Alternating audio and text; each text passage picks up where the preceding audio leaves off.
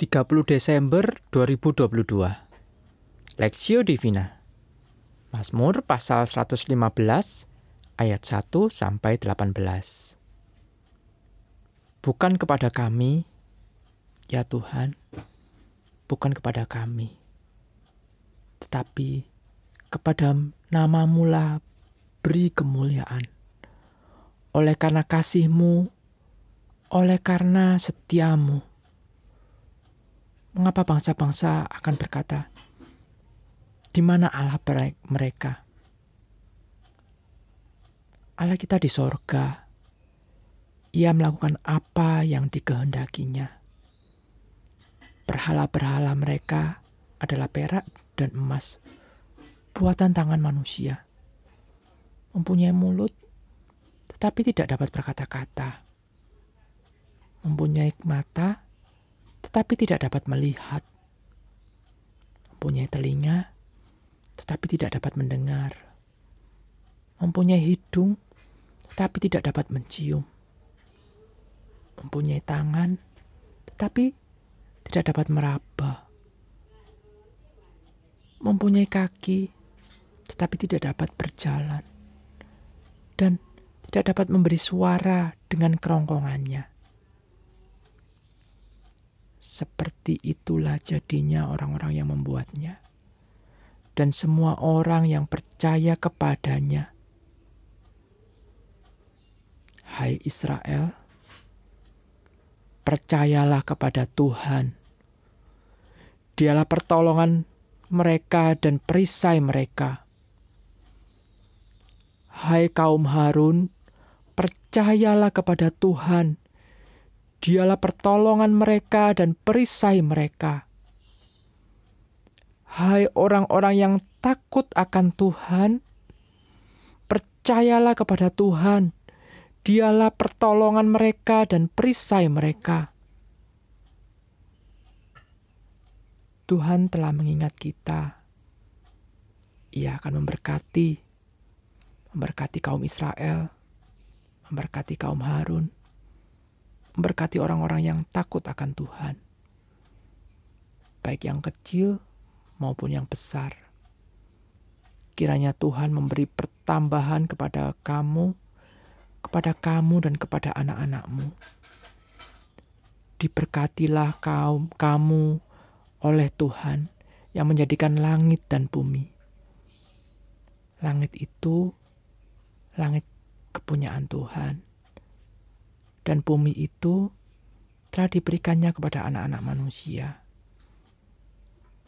Bukan orang-orang mati akan memuji-muji Tuhan, dan bukan semua orang yang turun ke tempat sunyi, tetapi kita. Kita akan memuji Tuhan sekarang ini dan sampai selama-lamanya. Haleluya!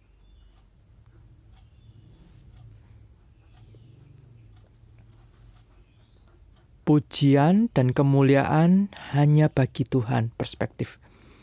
Bukan kepada kami, ya Tuhan, bukan kepada kami, tapi kepada namamu lah beri kemuliaan oleh karena kasihmu, oleh karena setiamu. Mazmur pasal 115 ayat 1. Mazmur 115 memberitahukan kita setidaknya ada tiga alasan pujian dan kemuliaan kita berikan hanya kepada Tuhan. Allah yang kita sembah dalam Kristus Yesus. Pertama, Dia Allah yang hidup. Ayat 4 sampai 7. Membawa kita kepada perbandingan antara ilah-ilah yang mati yaitu buatan tangan manusia dengan Allah yang benar dan hidup. Sebagai Allah yang benar dan hidup, dia bertahta di sorga dan berkuasa melakukan apa yang baik dalam kehendaknya. Ayat 3. Kedua, Dia Allah yang sanggup menolong kita.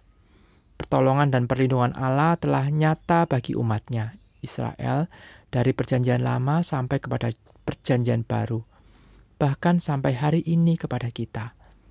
Allah selalu mengulurkan tangan kasihnya dan menyediakan apa yang kita butuhkan, serta melindungi kita. Ketiga, dia Allah yang memberkati, Berkat Tuhan yang terbesar adalah pemberian anaknya yang tunggal. Yesus Kristus sebagai penebusan bagi dosa-dosa kita. Melaluinya, kita dapat menjadi anak-anak Allah dan menikmati kelimpahan di dalam persekutuan dengan Allah Tritunggal. Ayat 12 mengatakan, Tuhan telah mengingat kita. Artinya, dia adalah Allah yang telah dan akan selalu mengingat bahkan memikirkan kita, anak-anaknya. Seperti seorang ayah yang terus memikirkan anaknya karena menginginkan yang terbaik yang dilandasi oleh kasihnya kepada anaknya. Demikianlah Allah yang juga mengingat kita umatnya serta selalu mencurahkan berkatnya bagi kita. Itulah alasan utama mengapa pujian dan kemuliaan hanya bagi Tuhan. Penghujung tahun 2022 ini, kita memikirkan bahwa dia Allah yang hidup dan benar, bahwa dia Allah yang menjadi penolong dan pelindung kita, serta dia Allah yang memberkati. Adakah ketika karakter Allah ini telah kita alami dalam sepanjang tahun 2022 ini? Jika kita sungguh-sungguh telah mengalami Allah, kita hanya akan memberikan pujian dan kemuliaan bagi Allah. Kita tak akan pernah menjumpai Allah selain yang kepadanya kita beriman dan yang telah menyatakan diri dalam Kristus Yesus. Studi pribadi, apakah alasan kita memuji dan memuliakan Tuhan sebagai satu-satunya Allah di hidup? Sudahkah kita mengalami karakter Allah di sepanjang tahun 2022. Allah yang hidup, Allah yang menolong dan melindungi umatnya, dan Allah yang memberkati. Pokok doa,